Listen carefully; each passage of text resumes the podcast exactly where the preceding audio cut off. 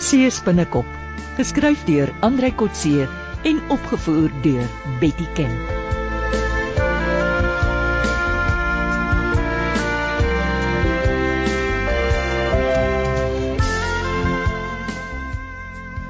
Hallo, skone dame, daar bo op die balkon. Hallo Johan.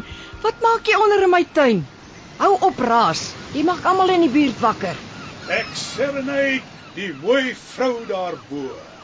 Dit is die mooiste dag. Hou van- op, hou op. Sal jy nou stil bly? Jy maak net 'n gek van jouself en van my. Kom liewer boontoe. Gebruik sommer die buitetrap. Ah, dankie.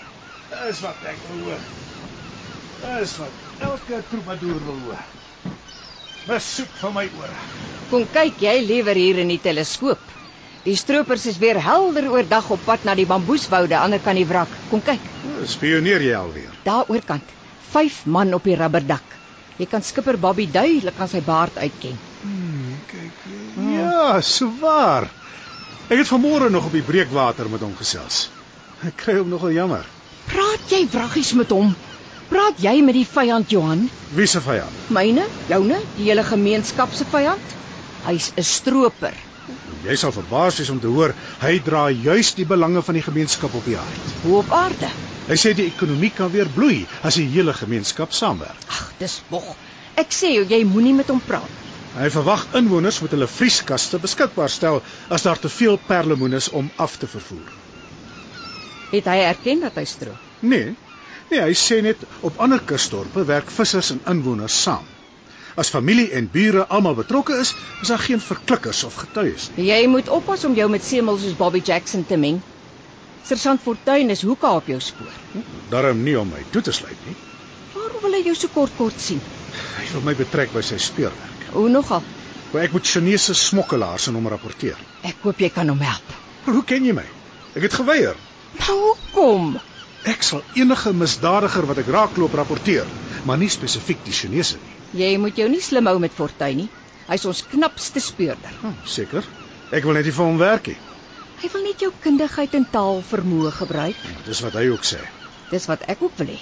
In plaas daarvan dat jy ons help om die stroopers te vang, maak jy maats met hulle. Ek het net in Bobby vasgeloop en hy het begin gesels, Hoekom gerapporteer jy hom nie aan Sergeant Fortuin? omdat hy nog geen misdaad gepleeg het nie. Ons kon nie bewys hy het perlemoen gestroop nie. Wel, vertel vir Fortuin wat Bobby sê van samewerking met skurke. Ek kan nie vir hom gaan vertel wat Bobby vertroulik aan my gesê het nie. Buitendien, ek is niemand se informant nie.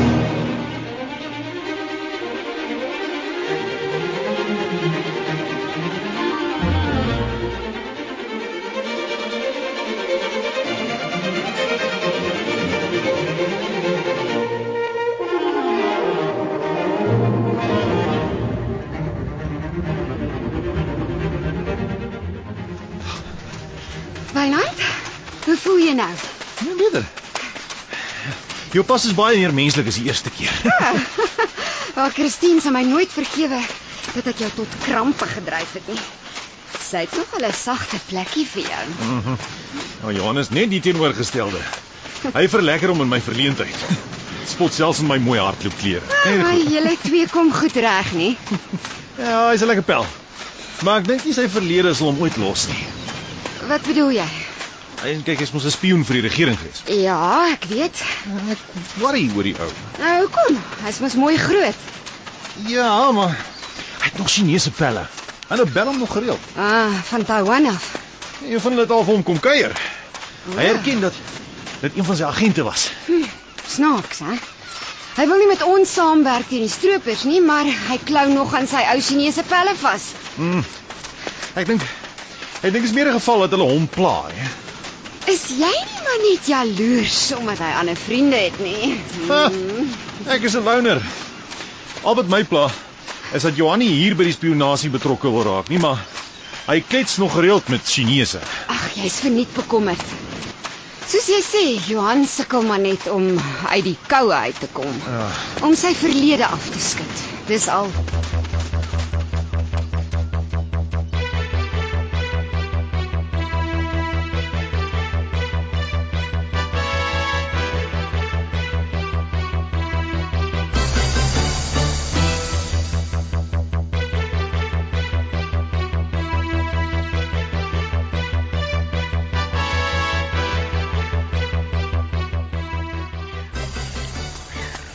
meneer Steyn. Dag Johan. Dag vir my. Susan Fortuin. Ekskuus, ek het nie geweet jy agtervolg my. ek sal dit nie agtervolging noem nie. Ek het agtergekom jy stap elke oggend naby die hawe. Is dit teen die wet? Nee, nee, ek wil net gesels waar ons alleen kan wees. Ons gesprek mag dalk vertroulik wees, maar jy moenie dink mense sien ons nie saam hier op die hawe muur nie. Ek gee nie om nie. Jy het mos gesê jy wil nie geheime verhouding met my handhaaf nie. Kan nie onthou dat ek ooit so iets gesê het nie. Ek kom gesels oor groot bedrag geld. Ja, maar ek het mos al hoeveel keer vir jou gesê ek wil nie intelligensiewerk doen nie, nie verniet nie en ook nie vir geld. Oh, dis nie waarvan ek praat nie, Johan. Is jy bewus daarvan dat daar onlangs 'n groot bedrag in jou bankrekeninge inbetaal is? Wat vreemd is, is dat jy dit ook weet. Dit het uitgekom as deel van 'n ondersoek. Interessant. Vertel my van die ondersoek. Vandag vra ek eers die vraag, meneer Steyn. Ek sien ek het skielik bevordering gekry. Net nou was ek nog Johan. Nou kom ons praat reguit. Waarvandaan kom die 60000 rand wat in jou spaarrekening inbetaal is? Ek weet eerlikwaar nie, sussie. Wie het dit inbetaal? Ek weet nie, maar as jy my bankrekening dopgehou het, sou jy gesien het ek het elke sent die volgende dag terugbetaal. Ek het gesien ja, dit was slim van jou. Die vraag is, aan wie is die bedrag terugbetaal? My bank het gesê dit was 'n bankfout. Dat dit teruggeskryf sal word na die deposant. Wie is die deposant? Ek weet nie. Die bank het ook gesê die FICA-proses is nie behoorlik gedoen nie. Die rekening is in elk geval dieselfde dag na die inbetaling weer Wat gesluit. klink dit nie vir jou vreemd nie? Ja, natuurlik klink dit vreemd. Maar vir ons wat geld was hy ken eintlik nie so vreemd nie, nê? Wat bedoel jy, Susan? Kom nou. Betaal geld oor en sluit die rekening en hoop geen hand sal ooit weer daaroor kraai nie. As jy die moeite wil doen, gaan praat gerus met my bank. Ek sal dit waardeer as jy vir my ook sal sê wie die deposant is wat my soveel moeite aandoen. Om te dink jy het vir al jou moeite niks uit die hele transaksie gekry nie. Wat impliseer jy, Susan? Is daar 'n Chinese koneksie by die inbetaling? Wat bedoel jy? Die bank het seker vir jou gesê die adres van die deposant is die van 'n Chinese besigheid in die Kaap. Ja, hulle het. Ek sal bly wees as jy die besigheid sal opspoor. Is dit nie toevallig dat die inbetaling plaasgevind het 'n dag nadat die Chinese man vir jou kom kuier het op Agallas nie? So. Jy agtervolg my inderdaad. Nee, nee, nee, ek nie.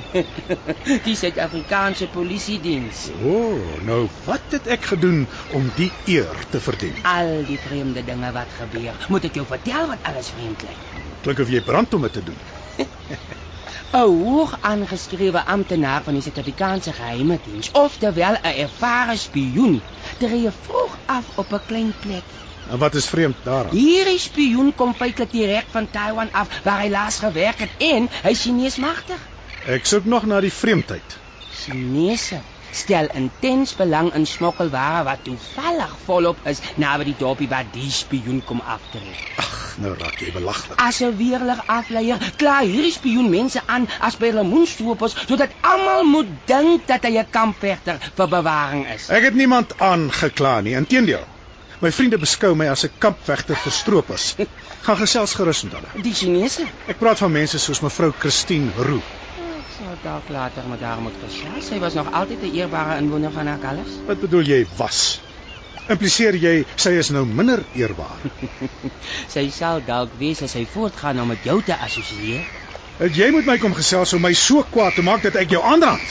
Jy's besig om dit reg te kry. O, ek is nog nie klaar met die vreemde prentjie rondom die spioen nie. Die vervalste prentjie. Kort na die besoek van 'n welgestelde Chinees wat jy in 'n plaaslike restaurant onthaal het, word 60000 rand in jou rekening inbetaal. Jy blaf teen 'n verkeerde boom op sy sand.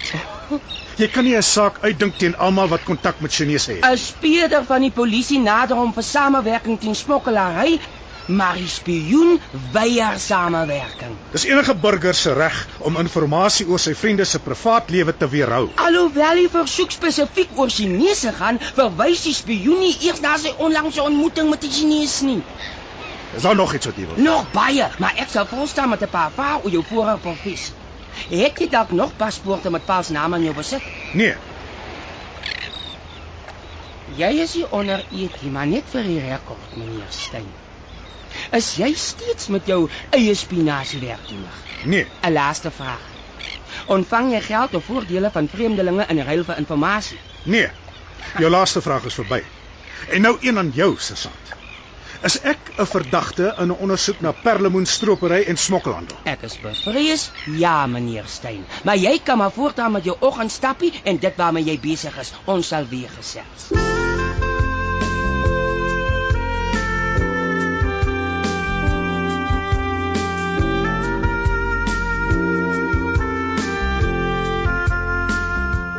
Dit was Seespinnekop deur Andrei Kotse.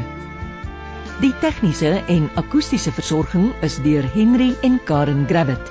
Die regisseur is Betty Kemp.